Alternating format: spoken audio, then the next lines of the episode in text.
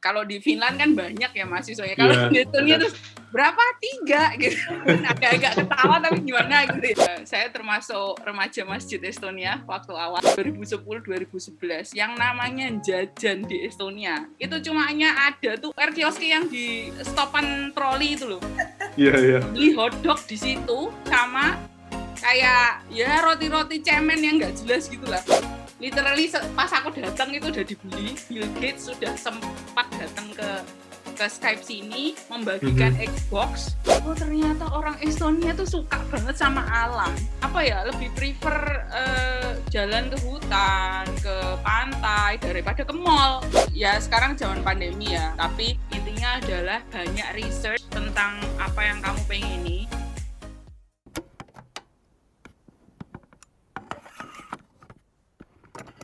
Halo teman-teman, selamat datang di podcast PP Estonia. Kali ini seperti biasanya kita akan uh, berbagi cerita seru bersama dengan teman-teman yang ada di Estonia. Hari ini dengan Putri dan Sangka dan masih dengan tema yang seperti biasa dari Estonia untuk Dunia Indonesia. untuk Indonesia. Wah, menarik banget ya. Eh, baru beberapa kali kita mulai tentang eh, podcast ini, tapi udah banyak banget yang pengen denger lebih lanjut apa sih gitu, atau gimana sih hidup di Estonia gitu. Nah, terus kita hari ini bakal diskusi atau ngobrol santai sama Mbak Dian, salah satu diaspora yang udah lama banget eh, apa punya karir di salah satu uh, perusahaan multinasional dan uh, keren banget nanti bisa bisa banyak hal yang kita tanyain dari beliau. Terus um, apalagi nih Put? Ya juga Mbak Dian ini kan juga salah satu uh, pendiri PPU Estonia dulu ya karena Zaman Hmm, kalau mungkin nanti bisa ditanyakan langsung dengan Mbak Diannya gimana sejarah berdirinya juga dengan PPI Estonia. Wow, jadi seru Mbak Dian ini salah ya. satu legend dong di Estonia yang uh, Um, malam kali ini terima kasih banget udah datang yes, di benar banget. Menyediakan waktunya untuk berbagi cerita bersama kita. Terima Oke, kasih. uh, ya Mbak, uh, mungkin sebelum kita mulai, boleh perkenalan dulu nih Mbak, Mbak Dian. Perkenalan di Indonesia sebenarnya aslinya dari mana, terus sekarang di tinggal di mana, terus kesibukannya sekarang gimana? Oke, eh, buat teman-teman pendengar eh, podcast PPI Estonia, halo semuanya. Em, eh, s- perkenalkan nama saya Dian Permatasari atau biasa ya dipanggil Dian aja lah biar gampang. Terus eh, saya aslinya orang Kudus, eh, daerah Pantura, dangdut Pantura. Bisa dikasih back sound mungkin?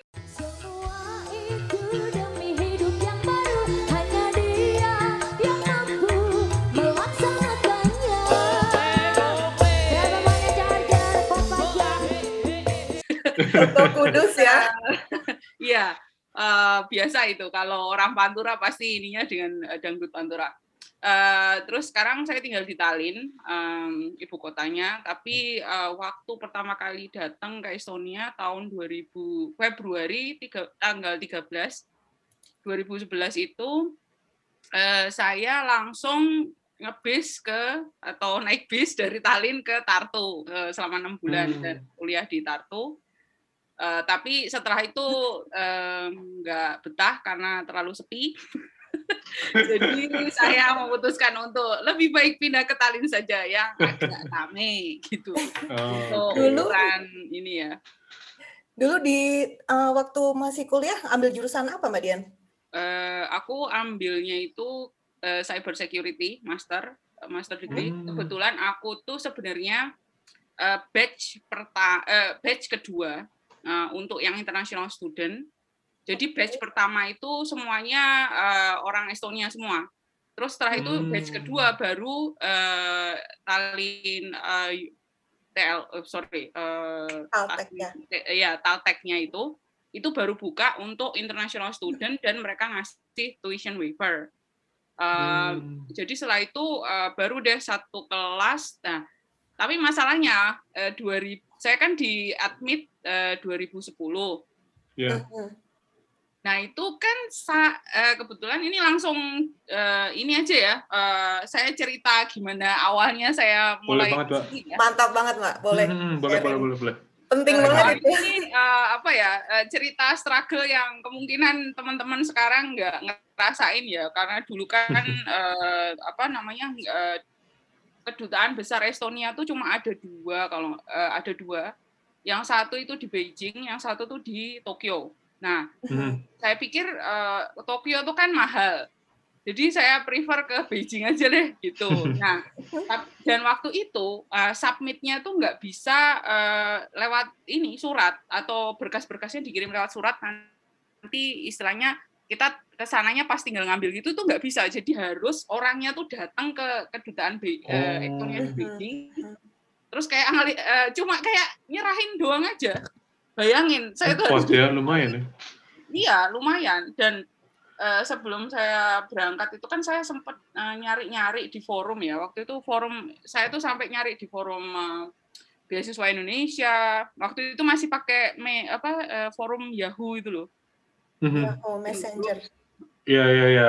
Messenger put Yahoo group, mail mail groups gitu. Mail Oke, group oke. kayak milis pertama ya itu Ah, kan, milis kalau nggak pertama, salah. ah. Hmm, hmm, hmm. Itu saya nyarinya Menarik. di situ beasiswa Indonesia di situ tuh hampir nggak ada yang nyebut nama Estonia kecuali satu orang terus saya kejar orang itu sampai ke milis lainnya yaitu di di backpacker Indonesia sampai tak kejar di situ Oh. Migrasi milis ya berarti. imigrasi milis karena ini orang nih nggak terlalu aktif di beasiswa Mhm. Indonesia lah terus saya kejar eh, saya tanya "Ma, eh, ternyata dia itu poinnya tuh bukan da- datangnya langsung ke Estonia tapi dia tuh datangnya dari Norway jadi kayak apa sih namanya sekarang Hmm. kalau yang eh, program tiga universitas itu loh Erasmus Oh, Oh, Erasmus ya, Mundus dia ya. datangnya itu Hmm. eh, pinpointnya dari Norway gitu kan terus Oh. pikir waduh kalau Norway di sini kan di Indonesia ada kedutaannya kan nggak susah Iya, iya. lah kan kalau Hmm. saya kan harus gimana nih mas gitu terus saya dihubungkan sama mahasiswa Swedia waktu itu Mbak siapa Mbak Rahmi kalau nggak salah terus Mbak Rahmi bilang waduh kurang tahu ya Estonia itu soalnya saya cuma taunya teman-teman yang main gitu kayak ya pas Hmm. lagi summer gitu kan terus piye gitu kan akhirnya ya mau nggak mau dan saya waktu itu kan sudah mengajukan apa kayak eh, resign gitu ya dari Telkom. Nah, Oh, waktu dulu itu Mbak Dian kerja di. Telkom ya. Iya, waktu itu kerja Oke. di. Telkom Flexi masih CDMA. Oh iya iya iya iya iya. Flexi itu pertama kali bisa internet murah kayak Betul, bener gak sih? Telepon rumah yang dibawa-bawa itu adalah Flexi sama Asia Hits banget ya zaman dulu ya. murah. Hmm, Bener bener bener. Eh, Terus, waktu terus, itu saya sudah mengajukan apa eh, Resign. resign dari Flexi karena saya pikir oh saya kan saya sudah dapat admit gitu ya sudah diadmit gitu ya udah berarti kan saya positif berangkat nih sudah Hmm, sudah itu ternyata ngurusnya itu kan panjang kan. Jadi akhirnya hmm. eh, akhirnya saya sudah berangkat ke Beijing nyerahin surat terus saya balik tuh jobless kan. Oke. gimana nih ya gitu kan. Terus akhirnya saya ngelamar ke Asia diterima. CDMA juga jadi kayak saya punya fleksi Dari CDMA 1 ke CDMA lainnya. waktu itu memang eh, fleksi eh, tarifnya agak lebih mahal sedikit daripada Asia kan. Waktu itu Asia yang paling murah. Terus ya udah eh, baru kerja di Asia itu tiga bulan saya dapat email dari eh, orang TTO bilang lo kamu nih ber- jadi berangkat sekolah di sini nggak sih lo aku tuh Oh. Ternyata aku masih di eh, diakui sebagai mahasiswa ya gitu terus dia dia bilang ya kam- kami tahu kamu tuh kayak ma- kamu tuh mahasiswa Indonesia pertama yang diadmit jadi oh. eh, istilahnya dia sudah menyediakan dua semester waktu kayak cuti buat saya untuk ngu- ngurusi itu sampai Oh, iya. jadi kayak udah di reserve gitu loh buat buat Hmm. aku kalau susah gitu loh terus akhirnya ya itu kan udah terlewat satu semester terus akhirnya saya bilang sama ibu sama bapak izin kalau ternyata ya apa universitas sana masih nunggu gitu. Gimana nih boleh berangkat kan ya? Gitu kan agak maksa Mhm. sih sebenarnya. Terus eh, ya udah ya udah diizinkan terus saya berangkat. Eh, langsung itu eh, apa eh, residen perpinya udah dikasih tahu kalau sudah jadi terus langsung saya berangkatnya dari Estonia itu eh, dari Indonesia ke Estonia itu lewat Beijing. Jadi sini Beijing bawa dua tas besar ditanyain sama ini lu kamu dua minggu di Cina kok tasnya banyak banget? kata orang imigrasinya ya ini banyak mie saya bawa banyak mie. "Lah, ngapain di sini juga banyak mie? Di Cina Jual, kata gitu. sumbernya mie. juga kan. Terus oh nggak apa-apa ini buat sangu gitu kan ya udah terus akhirnya ya udahlah dilepas dilepas aja gitu ya udah terus akhirnya apa eh, ngambil terus langsung berangkat gitu. Hmm. dan itu dari waktu itu kan sekitar Februari di Indonesia ya sekitar udaranya masih 30-an derajat lah ya nah itu Mhm. di Beijing itu sudah sekitar plus 4. Nah, pas landing di Finland itu sudah minus 25. Wow, Oh. iya itu pas dingin-dinginnya ya Februari. Jadi langsung Jeglek banget. jeglek banget itu. Tapi gimana Mbak? Dingin dingin langsung keluar bandara terus dingin kayak gitu. Eh, yang pasti kan mimisan, terus Mhm. eh, buku-buku jari sama apa namanya kayak ini paha itu kan karena nggak pakai long john ya, jadi apa nggak pakai lapisan, jadi cuma ini satu, udah itu kulit pecah-pecah semua ya. Setelah seminggu nggak mandi, karena karena di dormitory di Beijing itu kan apa ya ya aku gimana ya mau bilang eh kamar mandinya kurang higienis lah jadi agak Mhm. agak-agak males gitu terus ya udahlah Iya gitu. iya iya. oh juga aku nggak keluar-keluar gitu kan orang musim dingin kayak gini terus baru ngerasain mandi pertama di Tallinn tuh kayaknya perih semua karena ya itu kulit kering dan pecah-pecah Oh, wah menarik ya. Perbedaannya Bi- 50 derajat itu berarti ya kan? iya Iya iya iya. 4 ke minus 25 Mhm. Iya, waduh. Keren nih. Perjuangan banget ya Mbak Dian. Ternyata Mhm. awal-awal datang ke Estonia itu nggak semudah saat-saat sekarang. Meskipun Ya. sekarang masa pandemi ada tantangan sendiri ya. Tapi Benar benar. zaman 2010 10 Ternyata- tahun yang lalu loh Put, iya benar. 10 tahun yang lalu itu ternyata tantangannya lebih, aku bisa bilang nggak bisa dibayangkan sih. tapi tapi itu ternyata terjadi sama Mbak Dian. Jadi kayak wah eh, keren banget sih Mbak. Bisa share hal-hal kayak gini. Nah terus tadi sempat sempat singgung jadi pertama kali di sini kuliah gitu ya Mbak ya di cyber security. Bisa bisa diceritain nggak? Terus eh, nanti bisa dielaborate misalnya gimana waktu pertama kali inisiasi PPI juga cerita pertama. Ah, waktu dulu kan berarti nggak ada kan Mbak? Karena kan baru Mbak Dian pertama kali. Terus gimana ketika ketika ketemu teman-teman Indonesia yang baru pertama di sini juga gitu? Itu terus Iya, eh, um, mhm. perkumpulannya gimana tuh dulu? Jarang banget kan orang Indonesia tahun 2010 Mhm. ya. Mahasiswa Indonesia mungkin Eh, Ada mahasiswa lainnya kan? Indonesia sebenarnya sih eh, waktu aku masuk itu aku dikasih tahu sama TTU. Dia bilang eh, ada satu mahasiswa Indonesia lagi loh di sini cewek gitu. Oh. Tapi eh, dia itu eh, maksudnya dia bukan pure mahasiswa yang maksudnya datang karena studi, tapi dia Mhm. sudah men- dia menikah dengan orang Finland terus kayak ngisi waktu luang kuliah aja deh gitu. Oh. Terus dia bilang, "Eh, oke, tapi oh, kuliahnya S1 kok. Dia bilang gitu. Oh, oke gitu kan. Cuma kan waktu itu aku harus langsung ngejar ke next semesternya di Tartu kan jadi nggak ini kan, apa kayak nggak sempet mau cari siapa sih dia gitu kan. Jadi ya ya udahlah, aku pikir ya udah anggap aja aku sendiri gitu kan. Orang ininya Mhm. juga kelasnya beda kan. Eh, dia kalau nggak salah majornya business administration deh waktu itu. oke, Hmm, berarti oke. sama kayak aku ya. Iya, dari Putri ya. Heeh. Terus Oh, eh, gitu. abis itu eh, orang Indonesia ke eh, yang student setelah itu yang datang itu baru tahun berikutnya yaitu unggul. Ah, Hmm. oke, Mas Unggul. Sagena. Mm-mm. Nah, waktu itu unggul karena memang unggul itu kan orangnya ak- aku eh, aku akuin kalau aku kurang kalau masalah berorganisasi kurang hei kurang hip hip hura hura gitu ya ya udahlah organisasi kalau ada ya ikut kalau nggak ada ya udah gitu kan Lagian cuma ngeramein yang sendiri. penting. iya, iya. Eh, terus eh, kalau unggul ini beda banget karena dia backgroundnya kan hmm, dia tuh organisasi eh, jadi dia itu kayak apa ya eh, suka kerja kerja di kalau ada kok kayak apa kominfo kalau ada acara Mhm. masalah ini sosialisasi masalah security atau TIK gitu-gitu dia tuh yang pertama yang maju ke daerah-daerah jadi dia Hmm. sangat well first lah kalau masalah organisasi atau ini gitu terus waktu itu eh, dia sempat yang eh, kita nggak ada apa-apa nih Eh, maksudnya nggak ada ngomong-ngomong gimana nih kalau kita ya walaupun sering ketemu gitu kan eh, kalau lagi di kampus gitu cuma. Eh, setelah itu datanglah orang ketiga yaitu Mas Agus. Nah, Mas Agus ini datang Hmm. eh, tapi dia PhD kan. Jadi datangnya itu baru Mhm. Oktober. Kalau si Unggul kan dia udah dari bulan Agustus ya.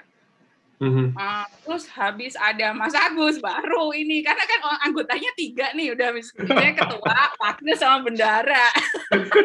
Pas.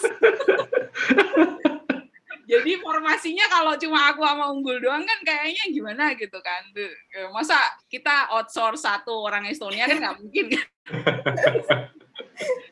Eh, terus ya udah Oh. eh, orang udah ada satu tambahan Mas Agus dan beliaunya juga waktu itu masih kayak masih nunggu gitu loh. Terus ya udah Mas kita bikin ini aja kata Unggul gitu. Terus ya udah kita deklarasinya bikinnya itu di ini apa kayak sign dokumennya sok-sokan di apa namanya itu hmm, Istana Presiden tuh yang di Kadriorg itu kita signnya Oh di ya situ. ya. Oh. Ya. Palace. Oh, di palace itu bilang ah males ah, aku jauh banget udahlah kita deh nanti foto-foto kan di istana presiden walah ya wes lah. Terserah terserah bu.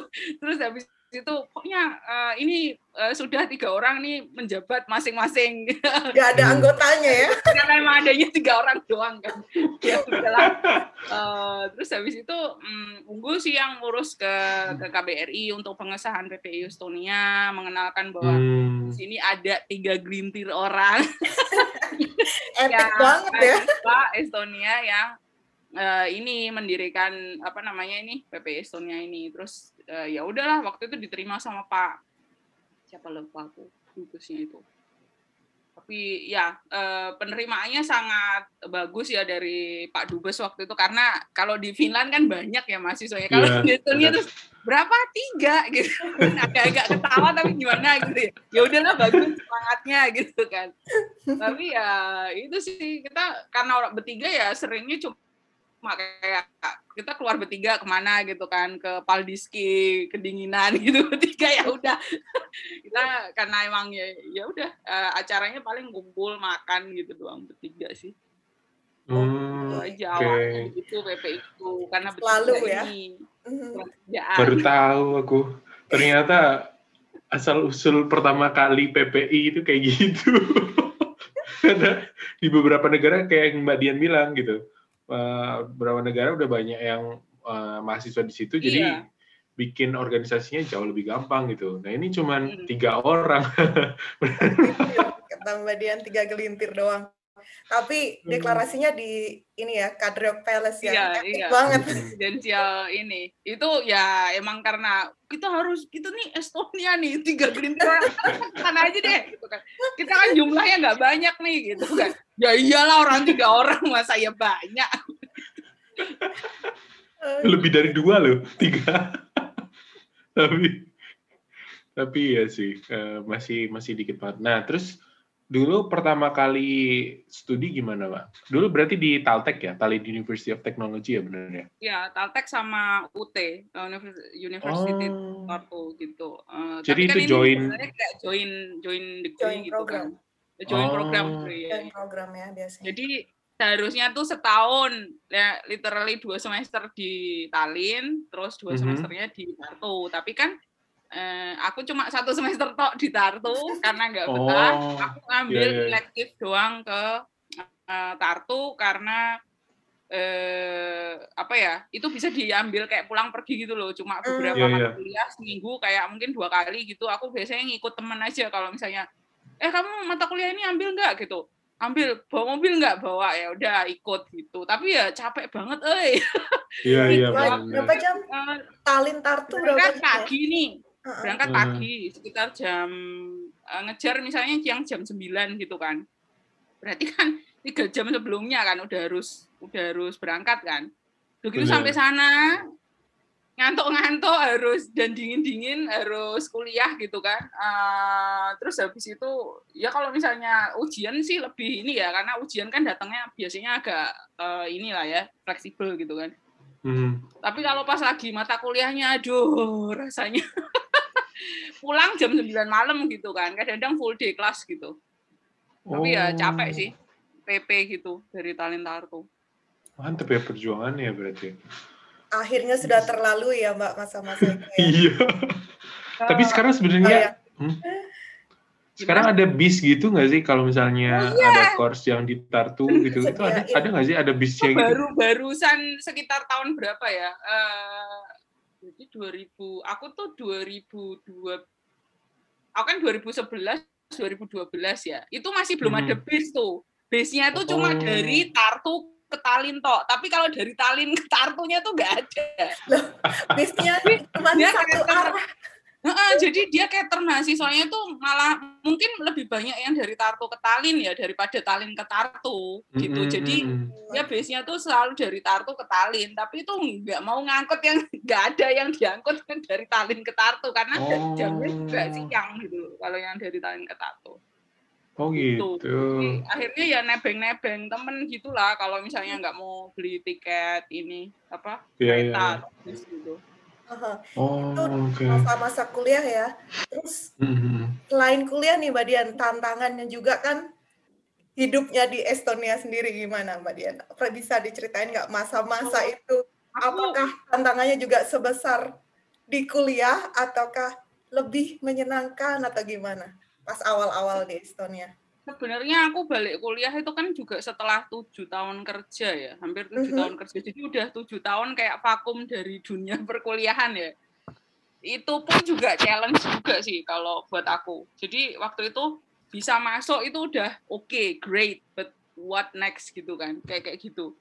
Eh, soalnya kan sudah karena sudah tujuh tahun nggak nggak ya ngerjain PR terus apa kayak ada group work gitu-gitu. Jadi tuh kayak eh, terus eh, sekali lagi aku tuh orangnya juga malu kalau misalnya ketemu sama orang ini ya kok maklum di- dari desa gitu kan. Terus ketemu bule-bule gitu. Waduh piye yo aku bahasa Inggrisnya nanti blepotan bulepotan bukan ble jadi gimana gitu jadi kayak kurang kurang pede aja gitu. Jadi Mhm. eh, itu juga challenge gitu kan. Terus em, itu kan eh, sangat eh, ngefek juga sih kayak eh, buat seharusnya kan kalau orang sini memang reserve ya orang Estonia tuh mereka nggak akan me- menyapa kalau kita nggak menyapa lah. Sedangkan ya gimana mau dicolek orang kita nggak pernah nyolek gitu kan. Jadinya ya akhirnya teman-temanku em, cuma orang-orang Asia sih rata-rata Oke. gitu baru kalau misalnya pindah ke Tallinn akhirnya kayak force eh, diriku sendiri untuk kalau aku nggak apa nggak proaktif gimana caranya ini gitu. Tapi ya cukup waktu awal-awal sih cukup ini juga sih untuk ngikutin mat, apa pelajarannya juga. Karena ya itu udah tujuh tahun nggak nggak kuliah kan nggak jadi jedanya lumayan lama Kayak jet lag berarti ya Mbak ya dari Heeh, dunia heeh. kerja balik lagi ke dunia kuliah. Heeh, heeh. Terus ya karena PR segala macam. Lah kan mung gara-gara PR eh, itu aja aku sampai kena cacar loh di sini kedua kalinya. Bayangin hanya karena deadline hanya karena deadline eh, tes kayak exam, terus PR, eh, tugas lab, oh itu numpuk di akhir tahun terus aku jaga anak salah satu anak temen Indonesia juga kebetulan dia habis eh, selesai sakit cacar ya udah aku kan lagi ngedrop nih karena banyak tugas dan segala macam akhirnya kena cacar oh tebo di sini kena cacar kedua kalinya cacar. Iya, wah. Aku bingung ngebayangin gimana. Kalau aku di posisi Mbak Dian kayaknya, aduh.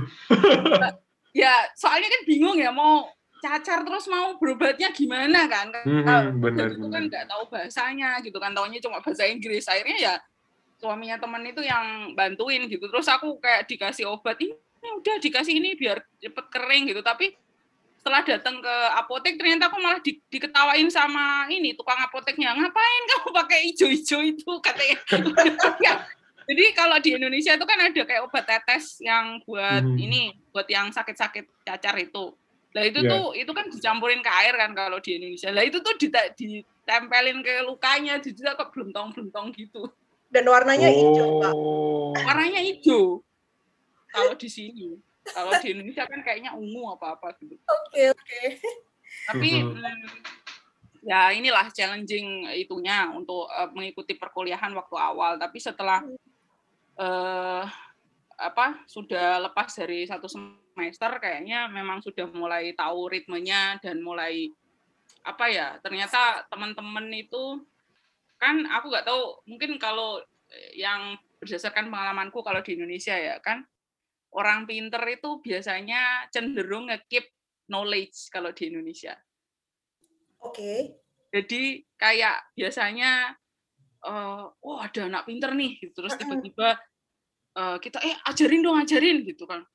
Yo belajar lo sendiri kan gitu Iya. biasanya. Jarang banget ngasih Bener tahu banget. ngasih tahu paling sedikit gitu terus Nggak mau sharing ya? kayak detail gitu loh. Terus nah aku tuh yang pertamanya kan gitu juga ya jangan-jangan orang sini sama kayak eh, kayak Indonesia. Eh ternyata saya salah besar. Ternyata orang sini tuh sangat generous banget kalau eh, sharing knowledge. Jadi tuh di share-nya tuh sampai detail dan kalau misalnya kamu mudeng nggak, kamu tahu nggak sih yang apa aku omongin, aku ajarin. Terus kalau misalnya dari matanya udah kelihatan kayak bengong gitu, kayak nggak ngerti gitu, aku ulangi lagi ya, gitu. Jadi apa ya? Aku tuh sampai ter ter em, Surprise ya? terpana gitu loh. Kok, kok orang kok generous banget, nggak kayak maksudnya pengalamanku di Indonesia rata-rata yang ketemu aku orang pinter itu jarang mau ngasih knowledge atau share knowledge mereka. Jadi kayak Hmm. ya aku pengennya ya irre- irreplaceable gitulah, Hmm. tidak tergantikan. Kalau Mhm. jadi kayak kalau ngasih knowledge ke orang tuh kayak berkurang gitu loh. Padahal ya Iya, kan iya, iya. Padahal bertambah Nggak ya. kayak gitu ya, malah. mhm. iya. Tapi Atau budaya kompetisinya ya beda mungkin ya. bisa jadi kompetisi, tapi Mhm. eh apa ya hmm, nggak inilah aku nggak tahu ininya logikanya gimana tapi eh, itu ngerasain banget dan eh, salah satu subjek ini ya subjek yang paling aku seneng itu kalau yang dari Tartu itu adalah sejarah sih. Oh, justru malah sejarah, emang eh, engage banget ya dia cerita-cerita yang ini em, terus eh, ceritanya tuh kayak kayak kalau di Indonesia kalau belajar sejarah kan ya baca buku dari segini habis itu besoknya kuis di BDI gitu atau di ini. Kalau Ditanyain gitu ya. benar-benar kayak cerita kamu tahu nggak ini ini? gitu. Pokoknya Wikipedia itu sesuatu. Pokoknya kalau kamu nu, apa ngumpulkan tugas dasarnya dari Wikipedia langsung kamu nilainya langsung K langsung kurang. Ya, jadi nggak lulus gitu. Jangan percaya sama Wikipedia katanya gitu. Terus jadi oh gitu aku baru tahu gitu kan. Kayak kayak gitu Eh, tapi anu banget kok apa kuliah di Estonia tuh sangat berbeda dengan pengalamanku kuliah di Indonesia. Jadi apa ya eye opener ya ini banget sih apa eh, widen the horizon gitu aja deh. Bagi Mhm. ba- apa ngelihat bagaimana budaya orang sini sama Indonesia gitu untuk eh, sharing knowledge dan eh, ini. Eh, apa kayak administrasi kampusnya juga beda banget sih kalau sama Indonesia Yang jelas birokrasinya Hmm. beda banget ya kalau di Estonia dengan Indonesia.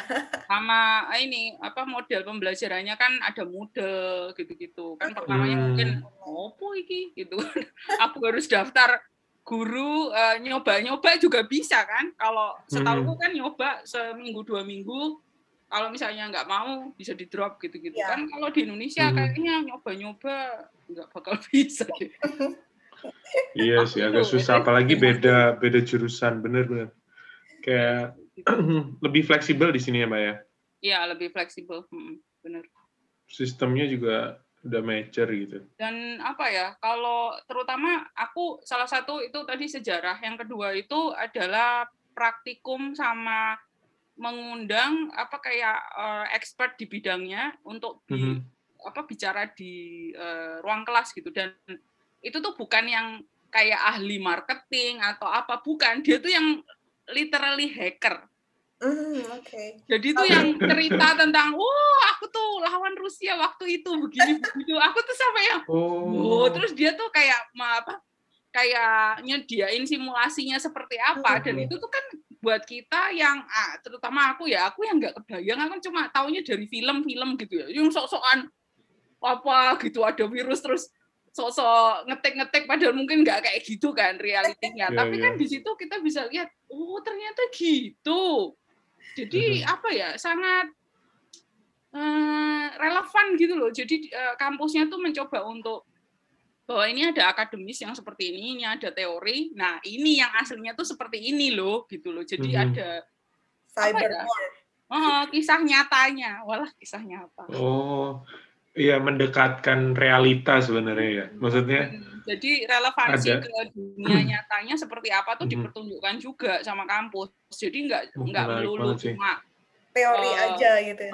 Kayak kalau di ya aku nggak tahu ya ini pengalamanku lagi-lagi pengalamanku. Aku tidak general semuanya kayak gitu nggak. Cuma menurut pengalamanku kan di kampus tuh teori-teori teori terus eh, lah terus prakteknya gimana? Ya kamu cari sendiri. Lah kan orang kan Oke, cari sendiri kan istilahnya kayak dijorok apa dijo- didorong untuk ke lubang yang kita nggak tahu. Taunya kan cuma Iya, teori iya. mungkin di lapisan atas doang kan. Kita nggak tahu di bawahnya ada apa. Lah kalau di sini tuh kayak dikasih tahu bahwa ini tuh juga ada kemungkinan skenario lain A B C D mungkin malah skenario nya Z gitu yang literally eh, beda gitu. Nah itu kalau di Hmm. Indonesia tuh waktu itu waktu zamanku tuh kurang. Jadi uh, even kayak aku bikin skripsi di S1ku bikin apa? Waktu itu kan karena CDMA ya, kita pakai web uh, aplikasi protokol WAP itu. Jadi masih Mhm. handphone yang pixelate gitu. Aku tuh bikin video streaming paid itu aja diketawain sama temanku. Katanya, "Oh, anu itu aplikasinya wong sugih," katanya gitu. Orang kaya katanya. Lu aku bilang, Loh, jangan salah. Besok-besok tuh semua orang tuh beli video streaming. Ternyata bener kan? Dan aku tuh waktu itu tuh merasa tersinggung. Kenapa orang kaya doang yang ini? Loh kan mahal itu video streaming waktu itu tuh beli. Loh, kan ini kan ini kan contoh. aku ngasihnya waktu itu harga satu video Mhm. streaming 5 5 menitan itu aku kasih harga tuh 50.000 ribu gitu loh. Terus dia tuh wah aplikasinya wong sugih katanya gitu. Oh, aplikasi orang kaya gitu. Alah, ya sudahlah. ya itulah salah satunya jadi bukan di encourage waktu itu pengalamanku untuk sesuatu yang out of the box tapi malah kayak di diblusuk-blusuk kayak gitu. Apa sih? Iya, Di eh, inilah discourage ya maksudnya. ah, discourage gitu. Hmm. Hanya di Eh, iya iya benar-benar. benar.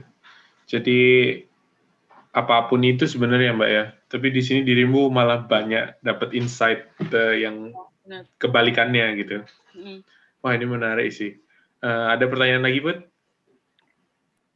Ah, di luar di luar kuliah nih Mbak Dian kan eh, karena Mbak Dian ini Muslim ya.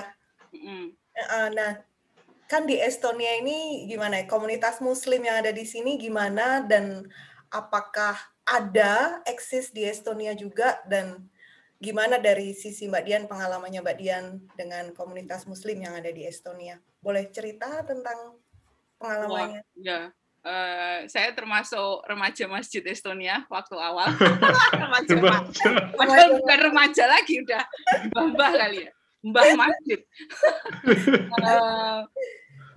mungkin eh, ada sense itu tadi ya, karena datang nggak ada temen gitu kan, terus to- satu-satunya teman di Indonesia juga, eh, maksudnya aku juga nggak kenal gitu kan, terus akhirnya apa yang kira-kira aku aku kayak pengen punya suatu komunitas yang aku ngerasa belong tuh gitu loh. Terus akhirnya ya udahlah mau aku pakai kerudung gini kan ya udah aku coba aja ke masjid gitu kan. Mhm. Nah, kebetulan waktu itu eh, kayak summer summer waktu summernya eh, kampus-kampus Rusia kan. Nah, itu ternyata banyak anak-anak muda Rusia yang anak-anak muda Estonia Rusia yang baru pulang dari Rusia kayak buat ini summer ini break gitu. Mereka tuh revert ternyata, baru revert sekitar berapa bulan atau setahun gitu kan. Terus mereka tuh kan eh, ngunjungi ke masjid. Terus ya udah kita karena kita masing-masing ini kan oh kamu ini ya gitu terus akhirnya ya tiap hampir setiap Jumat Jumatan itu hangout selalu hangout di Hangout di masjid ya. Nah, habisnya mau hangout di tempat lain juga agak susah ya karena kan itu tadi kendalanya kan hmm, apa makanan mungkin ya kalau Mhm. makanan dan Mhm.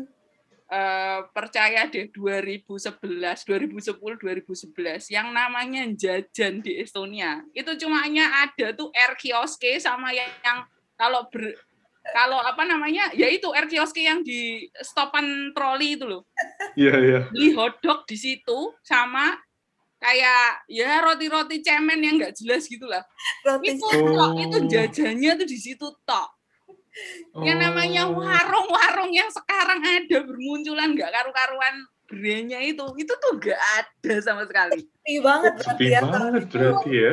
wow Hmm. dan waktu itu aku tuh pernah ya itu aku udah kerja 2012 apa ya 2013 malah. aku tuh sempet tanya sama temanku eh ayo jajan yuk aku temen Estonia nih Iya, iya. ah jajan keluar yuk makan gitu makan di luar makan di luar dia bilang gitu. Kenapa nggak di dalam aja gitu. Ya di dalam tapi itu bukan di rumahmu gitu. Kan oh dia bilang. "Ah, tapi aku tuh nggak pernah jajan dia bilang gitu.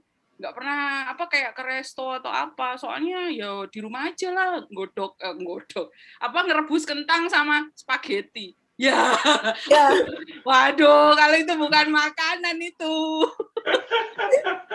Terus gitu ya, yang lain terus jadi akhirnya mereka tuh eh, ngecap aku adalah sebagai tukang jajan karena Oh. karena tahu tempat jajan-jajan Asia ya selain em, kentang sama spaghetti itu tadi. jadi akhirnya kadang-kadang eh, kalau misalnya oh ayo kita kumpul ke mana kayak ngerjain tugas gitu wah tanya Dian aja lah ke mana gitu kan oh ke sini gitu kecuali kalau memang mau bir ya kan aku kan Mhm. nggak pernah ke bar ya paling kalau itu Iya, iya. ikut aja sih tapi kalau misalnya oh sama makan sekalian gitu ya tanya aku biasanya tapi ya ini Hmm. beneran apa budaya jajan budaya makan di luar Makan di itu luar ya. eh, sangat nggak ada waktu itu waktu pertama kali aku datang Oh. dan masih sepi juga ya, nggak ada tem- banyak tempat jajan tadi. Iya, kita bisa bilang kalau misalnya air kioske itu semacam mini Indomaret gitu ya, atau mini Hmm. Alfamart di Indonesia Iya, gitu, yang di halte-halte gitu ya. bener, Dan, bener. dan itu cuma ada itu gitu zaman dulu. itu Oh, sih. itu toh kalau misalnya mau kayak quick bite ya literally cuma hotdog itu doang Limit Oh. banget ya. Kita biasa tuh bakso, mie ayam, tinggal pilih siomay.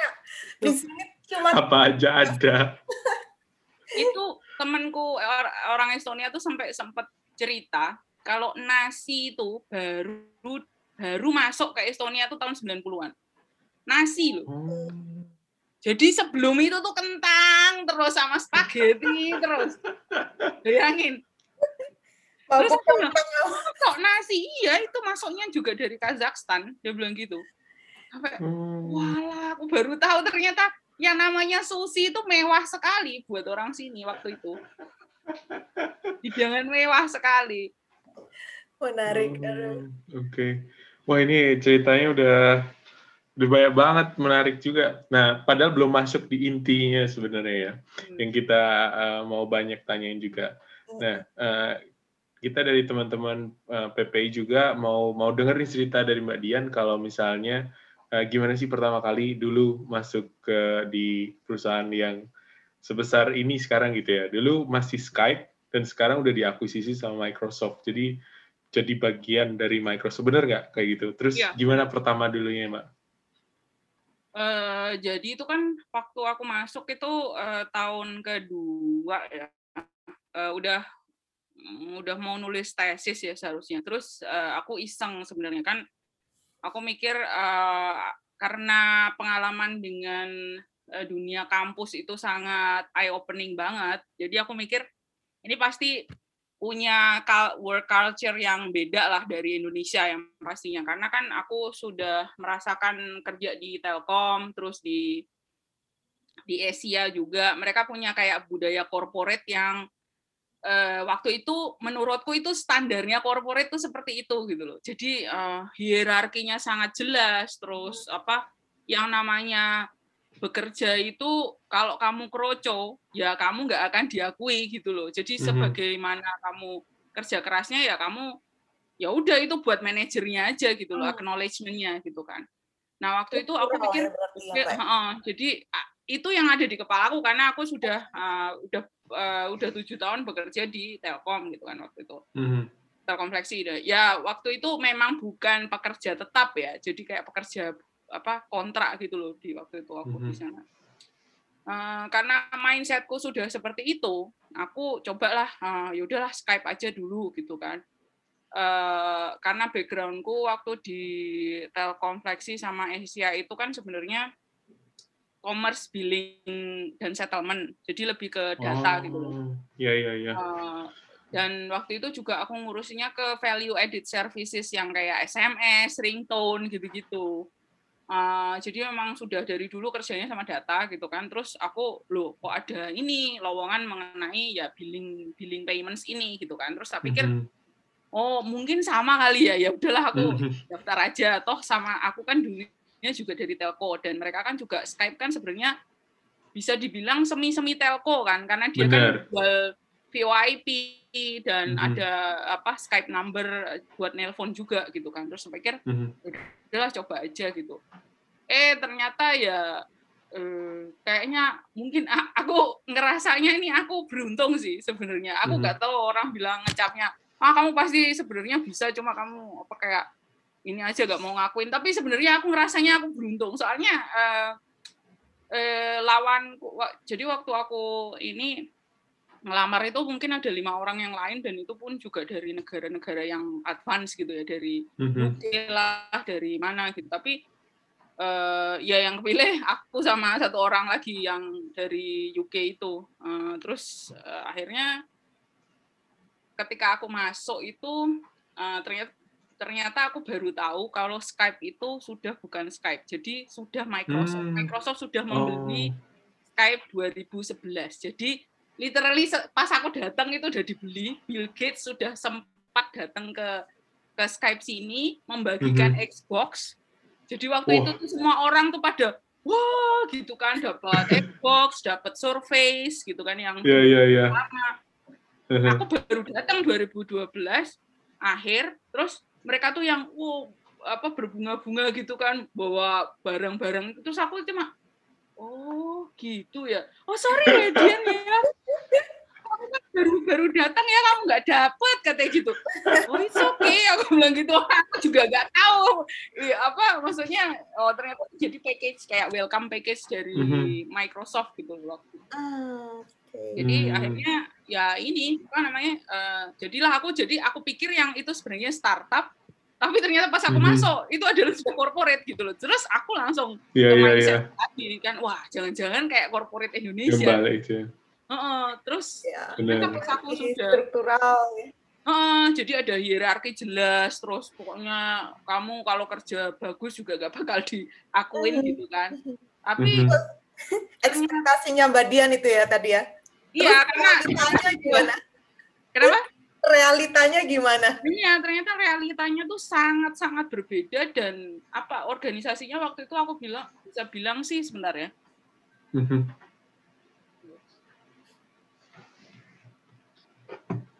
Jadi waktu itu aku bisa bilang untuk di em, organisasi yang eh, bagian commerce itu, itu tuh bisa dibilang linear ya. Jadi itu eh, nggak ada hierarki jelas kecuali kalau misalnya punya direct report yang tinggi, which is di Microsoft headquarter, which is di Hmm. Redmond. Nah itu Iya, baru iya. dan itu semua laporannya juga masih yang kayak oh duitnya berapa m dolar gitu jadi bukan yang kayak ini apa dikit-dikit masalah operation semuanya technical tuh nggak nggak bakal dilaporin gitu loh kayak kayak gitu jadi Mhm.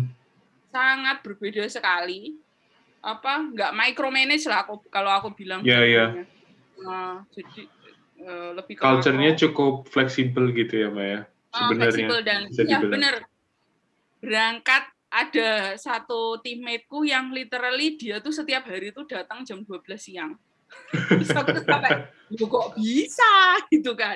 Lah aku berarti bisa dong, Loh, tapi kan kompensasinya dia jauh kerjanya tuh jauh lebih ini gitu loh. Terus Iya, iya. eh, jadi ketika apa kayak acknowledgement tuh sangat sangat ini banget budaya itu sangat kuat. Jadi kalau misalnya melakukan suatu hal yang kecil pun tapi baik gitu tuh, oh that's a good job gitu kan. Selalu Mhm. ada itu dan kayak nggak fake gitu loh, kayak nggak cuma ya for the sake of saying nice to you gitu. Ya, formality gitu enggak ya, Mbak ya? Ah, jadi kayak lebih itu tuh lebih benar-benar ke- memang si- culture-nya kayak sincere gitu loh, gitu ya. sincere gitu loh dari Iya, eh, bosnya gitu. Oh Mhm. oke bagus ini ininya gitu dan eh, baiknya adalah ke walaupun kamu anak baru ketika di meeting ketika kamu ngomong nggak ada yang interrupt kamu hmm, di Indonesia kalau kamu nggak penting kamu bakal diinterrupt kapan pun si bos mau pengalamanku iya iya iya. Oh, Kayak gitu. gitu. Jadi, orang itu eh, culture-nya mendengarkan Mhm. Tapi di situ ada tombol bullshit di kantor itu. Jadi kalau misalnya kamu ngomongnya bullshit, biasanya langsung tetot gitu. Tapi nggak ngomong sih, nggak nggak nggak. Cuma diem, semuanya diem dengerin, uh, listen carefully. Setelah itu, kalau misalnya itu bullshit ya udah tetot gitu. gitu habis itu langsung ah, anu lewat-lewat gitu kan maksudnya itu tadi yang diomongin lewat gitu kayak kayak gitu aja sih tapi Oh, maksudnya nggak nggak disrespect gitu loh kalau menurutku Mhm. jadi mereka tetap uh, konteksnya adalah mendengarkan setelah itu hmm, kayaknya nggak match deh atau mungkin kalau misalnya tetap masuk akal tuh paling ya oke kita bisa terima ini dan itu tapi mhm, kayaknya mungkin caranya nggak gitu gitu gitu mhm. Um, Oke. Terus kayak uh, meeting besar antar developer gitu kan. Kadang-kadang kita juga ikut gitu. Itu kalau bro apa ya bertengkar bertengkar yang literally technical gitu itu juga ada kalau misalnya kamu tuh bodoh banget gitu bisa. Itu nggak masuk akal itu kalau kayak gitu. Tapi itu kayak nggak gondok gitu loh. Kalau setelah iya. itu selesai terus berdua yang berantem tadi tuh rangkul-rangkulan terus tadi tuh seharusnya gini kamu tuh nggak gitu gitu. Lah kalau Indonesia kan langsung diem cek langsung tembak dari belakang. Jadi emang eh, budayanya profes- profesionalismenya ya, Mbak ya. Bisa dibilang itu eh, bagus banget sih. Dan memang sebenarnya itu kalaupun apa ya diskusi, kalaupun bertengkar itu memang memang buat kepentingan yang baik gitu ya, Mbak ya, bukan Benar. saling menjatuhkan gitu ya. Sehat Eh, berarti it's ya. not it's nothing personal gitu loh it's Iya, literally iya, iya. itu adalah project eh, anda tapi ini Mhm. demi kita semua gitu kan jadi Iya, iya, iya, iya. eh, kalau misalnya orang lain lebih tak tahu cara yang lebih cepat atau lebih efisien tanpa Mhm. mungkin apa mengorbankan salah satu feature atau apa mereka kan bicara dan uh, orang yang dikasih tahu itu pun juga nggak sakit hati kayak lu terus Mhm. langsung protektif gitu enggak sih Ya masih oh oke ternyata jadi kan kadang-kadang eh, beberapa kepala memikirkan suatu hal yang dari sudut pandang berbeda kan bisa memberikan insight yang baru kan jadi kadang-kadang Mhm. orang itu kan stuck kan sama sama Mhm. apa mindsetnya gitu jadi ya gitu aja sih kadang-kadang eh, itu yang eh, menurutku apa ya se- se- ya kecil-kecil tapi sangat membuat aku tuh kayak wah ini beda banget ya jadi kayak udah Berdampak gitu ya. Heeh, jadi eh, mempengaruhi inilah pandanganku tentang berorganisasi corporate yang se- yang sebenarnya gitu. loh. Sebenarnya flat Oke. hierarchy terus apa tadi apa namanya eh, open for discussion kayak gitu semuanya ya. Jadi kompetisinya Hmm. sehat gitu ya Mbak ya. Ya, acknowledgement juga penting sebenarnya. Mhm. Karena Mhm. ya eh, apa pun posisimu tapi kalau misalnya memang ya you have a good idea, great Mhm. idea, mereka akan eh, acknowledge itu, admit. Mhm. Oke, oke. Nah, terus balik lagi Mbak, Em, Ya. mungkin ditarik ke eh, yang ada di Tallinn, Tartu, atau beberapa daerah yang di Estonia yang paling berkesan di mana Mbak? Oh, maksudnya Estonia sebagai Ya. negara tempatnya di mana gitu. Ya, oh, atau ada pengalaman yang spesifik tadi, ya, misalnya sempat ke Paldiski gitu atau ke mana gitu yang yang paling menarik. Mbak Dian kan hobi jalan-jalan nih kan ya. mana ya? Oh, eh, paling ini sih. Eh, jadi waktu aku baru tiga bulan di Tartu, itu kebetulan ada teman Estonia yang sangat berbaik hati, Eh, ngajak kita road trip literally dari selatan ke utara. Oh, Jadi dari Oh. sempat ke Valga, terus ke Soma, ke Soma Rafus Park, terus ke Parno, naik ke Tallinn, sempat ke Rakvere juga. hmm, Jadi dan itu tuh kayak dia tuh kayak pengen memperkenalkan negaranya ke kita. Kedua, aku Oh. kebetulan aku sama temanku orang Cina kan yang yang ikut Mhm. di mobilnya dia gitu. Dia tuh dia itu kan sebenarnya anu ya, apa kayak militer dulu. Jadi dia diperbantukan ke militer tuh sering gitu loh. Jadi dia tuh yang bawa Oh. eh, camping camping ini gear gitu. Jadi ada Hmm. apa tenda, ada eh, ice box, ada pokoknya makan makanan yang buat dibakar-bakar gitu sampai alat Mhm. pancing. Aku tuh sampai yang loh kita nih kita nih mau camping di sini di Soma. Itu Soma Rafus Park. Survival kit ya. Ya, a- sedangkan aku tuh camping aja gak pernah gitu loh. Mikir, Lah kok ini kok tiba-tiba kan aku tuh cuma pakai baju normal gitu loh. Namanya juga itu Ar- Tim apa, Pak? April. Bulan April. Oke. Oh, udah spring ya? masih Mas- agak-agak dingin sebenarnya. Hmm. Kalau malam kan bisa kayak gini nih. Kalau yang kayak di luar nih bisa Minus tiba-tiba minus lima kan. Kalau malam. Nah, aku tuh yang, duh, kita nih, aku nanya, kita nggak tidur di hostel atau di mana gitu? Oh, nggak usah, kita tidurnya di hutan aja. Aku cuma bisa melongo. Hah? Ting- terus gimana mau ini apa ke belakang? Lu kan itu ada ada danau. Lah maksudnya disuruh di situ aku kan nggak nggak biasa ya maklum anak kota lah gaya anak desa tapi anak kota ngomongnya tapi nggak pernah camping gitu loh sebenarnya jadi tuh yang agak-agak kaget terus ini makanan oh nanti kita mancing aja. Duh ya Allah. Cuma bilang, koyo urip koyo angel mento yo. Lah mau ada nih. terkias, Mbak. Iya, iya, iya. kayak gitu Terus, terus. Eh, menurutku itu sih yang berkesan sih. Jadi eh, road trip pertama yang menurutku itu aku tuh baru datang dari Indonesia ke Estonia. Kan tiga bulan kan baru tuh. Mhm. dia diajak road trip dan langsung camping di minus tiga. Nggak bisa tidur Oh. karena kedinginan lah gimana orang? Masih spring springnya waktu itu kan emang beda ya. Kalau spring sekarang mungkin rada-rada ini ya.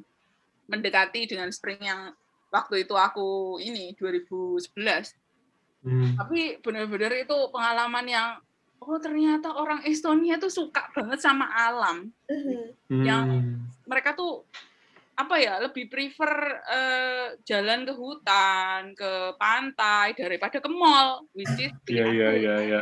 aku lebih Iya, suka iya. ke mall buat jajan jadi jadi tuh eh, apa ya sangat ini banget sih memperkenalkan oh ternyata itu salah satu kultur mereka gitu. Dan eh, percaya atau enggak mereka tuh ambil apa daun-daunan bunga-bungaan itu dikasih air panas terus dia bilangnya ini teh hutan rasanya enggak karu-karuan. Itu kayak rumput kering terus dikasih air rasanya ya kayak gitu. Pahit. Mendingan kayak wedang yang uwuh ya, hah? Nggak urus kayak pedang uwuh gitu ya. Jamu, jamu kayak jamu. Bener. Bener jamu Estonia itu tuh aku tuh pertama kali datang tuh oh we apa kita ambil ini nih bunga-bungaan dari hutan gitu. Terus oke terus aku rada-rada skeptis gitu loh karena kan warnanya tuh yang nggak karu-karuan ya boh coklat boh ungu boh apa gitu kan. Habis itu dikasih air panas terus gimana? Enak kan? Aku cuma bisa meringis doang aduh rasanya nggak karu-karuan. Mendingan sekalian kalau broto wali atau apa gitu kan pahit-pahit sekalian gitu kan. Ini nggak nggak kanan nggak kiri ya ya sudahlah Tapi mereka ini banget lah eh, kalau sama produk-produk alam terus memang sukanya ya ke alam jadi mm, sangat ini Tapi jadi berkesan banget ya Mbak itu Iya, berkesan sih. Eh, Terima kasih banget sama temanku yang waktu itu ini. Soalnya kan dia tuh yang ada dua cewek Asia di kelas yang pelonga-pelongo. yang ya, antara kalau misalnya di antara orang-orang itu paling apa mencolok gitu loh kayak mereka cuma berdua gitu ya. Aku sama temanku yang orang dari Cina itu kan terus ayo eh, tak kenalkan itu ya itu sempat ke Piusa yang di quartz apa kayak eh apa sih ya kayak pasir kuars kuarsa itu loh itu yang Ah. kayak berkilau gitu itu sempat diajak ke situ juga di Piusa itu sampai yang terengowoh-ngowoh deh pokoknya kok orang kok baik banget gitu ya kita tuh Oh. sampai ganti uang bensin tuh dia nolak-nolaknya tuh yang sampai nggak usah nggak usah ini Hmm. kan pengalaman kalian gitu ya ampun apian Mungkin dia juga dulu belum pernah, Mbak. Jadi sekalian mumpung ada temennya kan. Iya, selain itu tidur di minus tiga di luar di hutan itu adalah mendekati border Rusia sampai kita Narwa itu ya. eh, jadi itu Beda lagi. di selatan itu kan dia nggak ada Oh. border eh, resmi ya, jadi kayak cuma palang doang gitu. Nah Hmm. sebelah itu sebenarnya se- hutan semuanya, cuma tuh ada palang satu tulisannya stop sama stop Rusia gitu kan, bahasa Rusia sama bahasa Estonia. Habis itu kita tuh eh, temanku bilang kamu bawa paspor kan? Hah? Aku bilang, lah ngapain aku bawa paspor orang kita kan maunya di Estonia aja.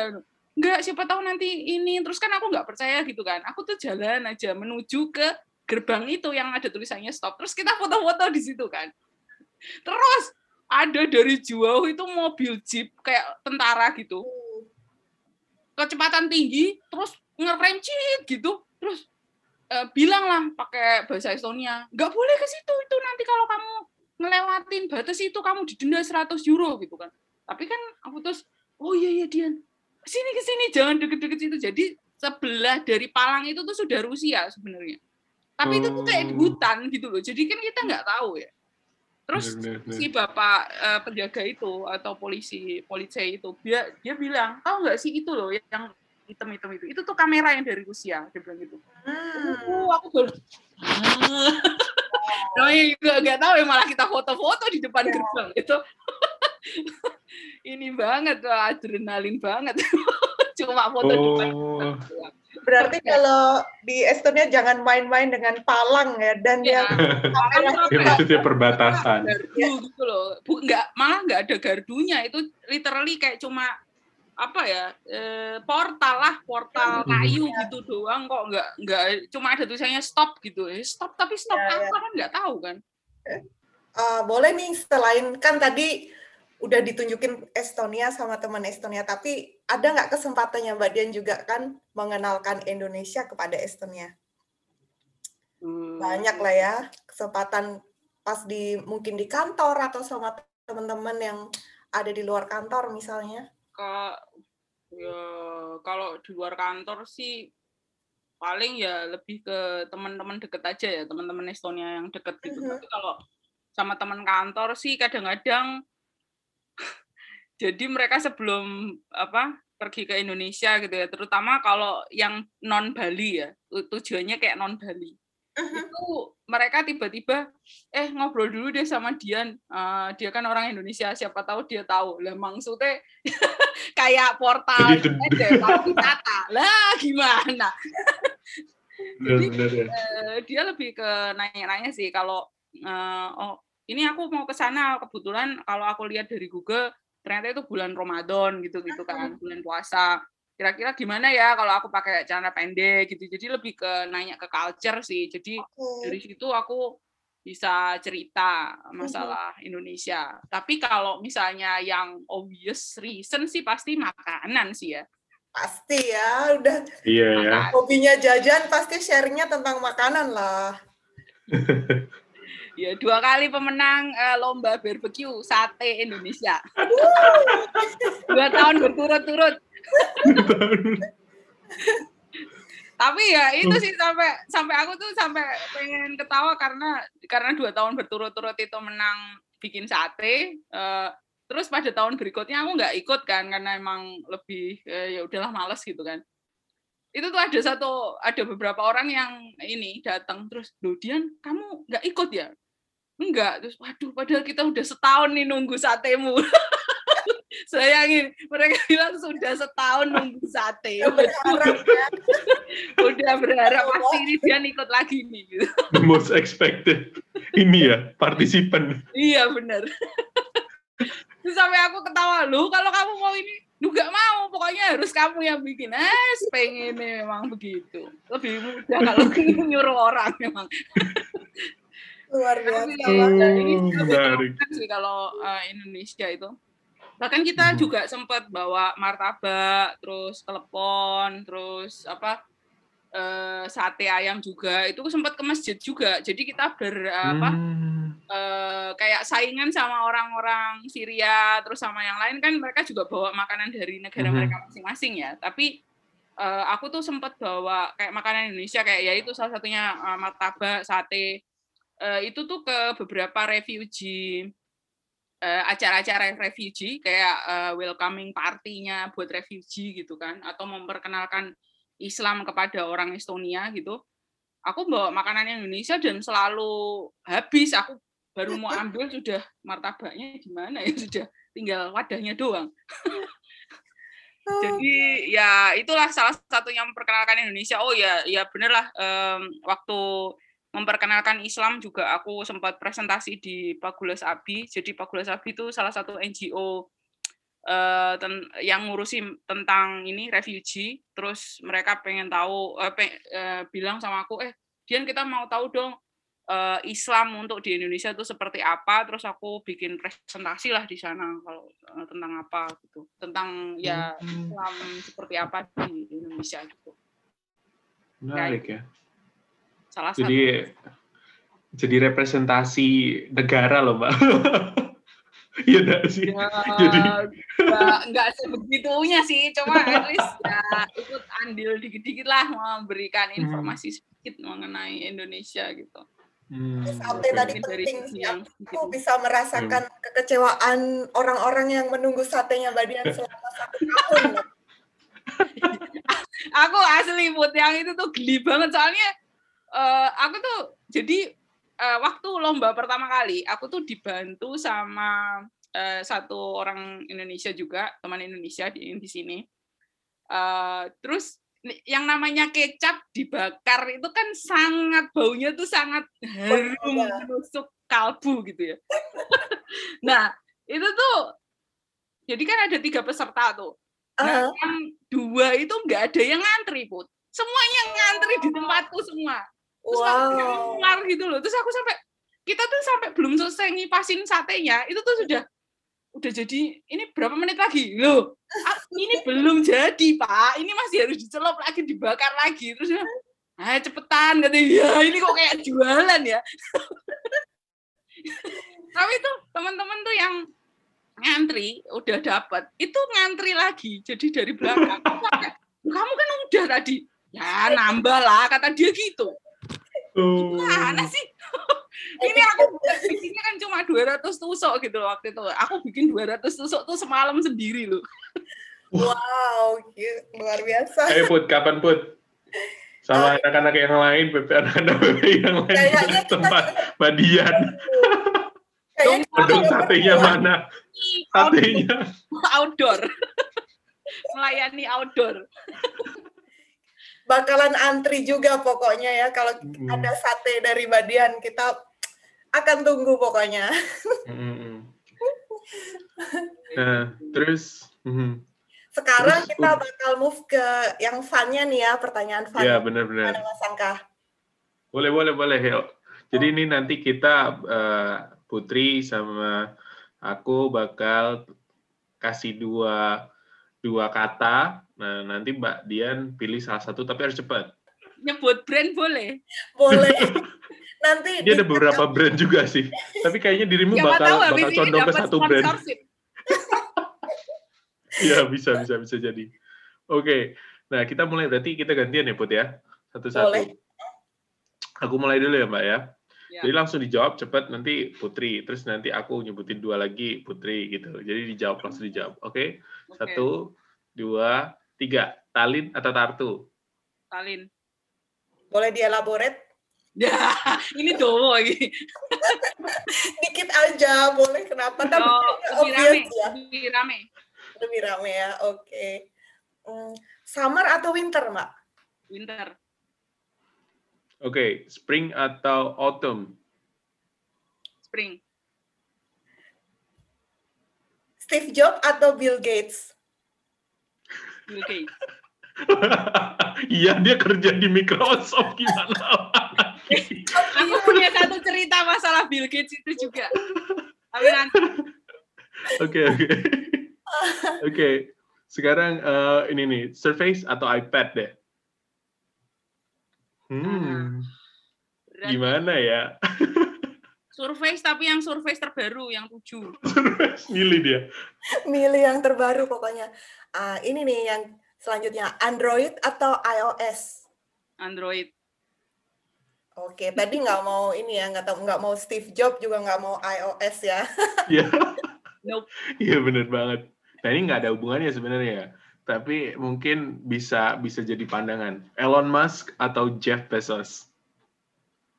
Elon Musk. Wes. Lanjut, Put. Tesla ya. Oh, jelas dong. Oke, kerja keras atau keberuntungan? Eh, keberuntungan. Great. Apalagi Tadi ya? sempat disebut ya di kerja di Microsoft itu faktor luck-nya Mhm. lumayan Mhm. banget. Tapi kerja keras juga lah sebenarnya ya. Oh ya, ya jelas. Cuma itu eh, aku pribadi sangat percaya dengan luck. Oke, Oke, Untung sama sih Mbak. Aku juga. Oke. mantap banget. Next Mas Eh, Arka. Aduh, apa lagi ya? Hmm. Oke, Bitcoin atau saham, Mbak? Hmm, Bitcoin. Kecuali Oke. nanti harganya beris ya. Iya, Walaupun harus nunggu, it's okay lah. it's okay. Oke oke. Uh, sekarang aku aku hobinya open question nih. Jadi uh, Hmm. aku bakal tanya mungkin open question yang mungkin bisa dijawab sama Mbak Dian uh, cepet juga ya. Oh cepet banget. Tunggu Iya, ya. nggak, nggak, nggak harus cepet-cepet banget. Bisa ditunggu. Uh, boleh disebutin nggak Mbak, tiga orang yang paling berjasa dalam hidupnya Mbak Dian? Agak dalam pertanyaannya ya. Hmm, tiga orang berjasa. Temen deketku eh, dari Jakarta, eh, namanya Farah Musparayani. Eh, dia itu salah satu orang yang bilang, lu tuh bilang-bilang doang katanya mau pergi ke luar negeri, punya paspor aja belum. Nyentil sekali, tapi on point. Jadi motivasi ya. Iya. Makanya habis itu langsung bikin paspor sama tes TOEFL. Nggak pakai les, langsung. Langsung just do it. motivasinya jadi dari teman gitu ya, Mbak ya? Wah, Ya. Eh, terus kurang satu lagi, eh, manajerku pertama yang di Skype, Yosep. Oke. Itu juga punya pengaruh besar dalam hidupnya Mbak Dian Mhm. berarti ya. Oke, thank you banget udah sharing. Itu Mas Angka, next ada pertanyaan lagi untuk rapid question? Em, enggak sih rapid. Tapi kalau misalnya Mbak Dian punya kekuatan super, pingin pinginnya apa nih Mbak? Yang bakal useful banget di kerjaan atau di kehidupan sehari-hari atau Punya duit banyak, sa Elon Musk itu termasuk kekuatan super. Iya. Yo, itu super Mbak. Super, Mbak. Berarti kayak Batman ya, apa kekuatannya kaya. ya. Nah, tapi aku nggak mau di dalam kegelapan gitu, Put. Aku maunya buka-bukaan aja, nggak apa-apa. Hidup Oke. sudah gelap, Put. Ngapain digelap-gelapin? Estonia udah gelap ya. Udah gelap di sini. Udah mulai terang dikit-dikit sekarang. Mataharinya Hmm, udah mulai betul. ada. Oke. Oke, kayaknya kita udah di penghujung ya eh, pertanyaan dan makasih banyak Mbak Dian udah mau share, udah mau banyak cerita tentang uh, pengalamannya sejak pertama menapakkan kaki di Estonia loh. Tapi Mhm. boleh ada ini nggak pesan-pesan Boleh, loh boleh banget Mbak. Boleh banget Mbak, boleh kalau di-share kalau ada Hmm. pesan-pesan mungkin selanjutnya. ya ini sih eh, eh, untung ya sekarang zaman pandemi ya. Eh, pasti struggle-nya beda dengan waktu aku pertama kali eh, mau kuliah di sini. Tapi kira-kira sama eh, bahwa banyak restriksi eh, dibandingkan tahun-tahun sebelumnya. Tapi intinya adalah banyak research tentang apa yang kamu pengini. Kalau kamu tuh nggak nggak jelas sebenarnya habis ini aku mau apa ya? Ya nonton film atau YouTube tapi yang jangan yang apa ya jangan yang alay-alay gitu tapi lebih ke eh, kira-kira lebih ki- curious ke mana sih gitu. Bisa aja nonton apa pun itu terus nanti dari situ bisalah eh, lebih ke googling yang mengarah ke situ gitu. Nah setelah itu ya intinya jangan males buat eh, research atau googling mengenai apa yang dituju gitu. Ka- karena aku yakin eh, sekarang zamannya internet eh, unlimited eh, di Indonesia juga pakai data semakin murah. Aku rasa itu Iya tuh banget. sangat bisa di apa ya di eh, dipergunakan dengan efektif untuk mencari informasi yang tepat gitu. Jadi nggak jangan menyerah jangan mau enaknya aja karena kalau mau enaknya ya sudahlah tinggal ganjel aja gitu kan Eh, ya intinya apa ya em, kerja keras tuh nggak akan mengkhianati hasil itu aja sih. Eh, dan Mhm. semuanya eh, yang namanya eh, susah-susah itu akan berlalu pada saatnya Mhm. nanti kalau memang ini itu aja Bener. Untuk Oke, jadi wah. sukses panjang banget ya ya perjuangan. nggak nggak bisa kita orang lihat kadang-kadang wah enak ya di luar negeri begitu Iya. tahu kita juga pernah kerja Struggle gitu ya. pernah jadi stro- strawberry slave juga pernah aku tapi ya dinikmati aja itu salah satu apa Mhm. ya eh, proses untuk kita ini eh, sangat sangat ini banget kok apa pokoknya Iya. kalau ada kemauan pasti eh, seharusnya sih ada ada jalan kalau kita mau mau bener-bener Mhm. loh Iya, iya, iya. Wah, keren, keren, keren. Luar biasa malam ini kita ya. Ya, super quote. Dapat super quote dari Madian. Super quote-nya, gunakanlah teknologi secara tepat eh, untuk mencari Iya. minat dan karir. betul, betul. Benar, benar, benar. Wah, oke, oke. Insaf Aku sampai nggak tahu mau komen apa lagi. Oke. Oke, Eh, jadi nih nanti misalnya kalau ada teman-teman dari Indonesia yang pengen nih untuk Mhm. kontak Mbak Dian gitu, gimana Mbak enaknya? Apakah lewat Instagram atau bisa lewat PPI Estonia atau gimana? Kalau misalnya ada yang pengen tanya, enaknya lewat PPI Estonia aja kali ya oke siap. Jadi nanti kalau misalnya ada teman-teman dari Indonesia yang pengen tahu lebih jauh, kontak aja PPI Estonia betul, di betul. seperti biasa di Facebook, Instagram ataupun lewat Telegram juga bisa. Benar, ada channel Telegram ya kita ya. Silakan kontak channel PP Estonia dan nanti kita akan sampaikan langsung ke Mbak Dian ya titipannya. Eh, tidak menerima tanda tangan. Cuma tanda tangan yang ada tulisan eh, angkanya saja. Seperti tadi Elon Musk. Salam tempel nggak Mbak? Oh iya ya, salam tempel ya. Kali ini kita cukup eh, cukup segini dulu untuk podcastnya ya. Uh, Mhm. dan pasti kita akan selanjutnya akan mencoba menghadirkan uh, pembicara yang juga nggak kalah menariknya dan akan sharing-sharing berbagai pengalaman seperti Mbak Dian kali ini. Mhm. Makasih, Makasih juga. Mhm. Sekali lagi Makasih makasih banyak. banyak, ya Mbak. Dian udah Ya, nyempatin sama-sama waktunya. teman-teman PPI semuanya udah dikasih waktu sama kesempatan buat ngobrol. Oke, Ya. thank you banget. Sampai Makasih, jumpa lagi di edisi berikutnya. Yuk, Ya, sampai jumpa. Semua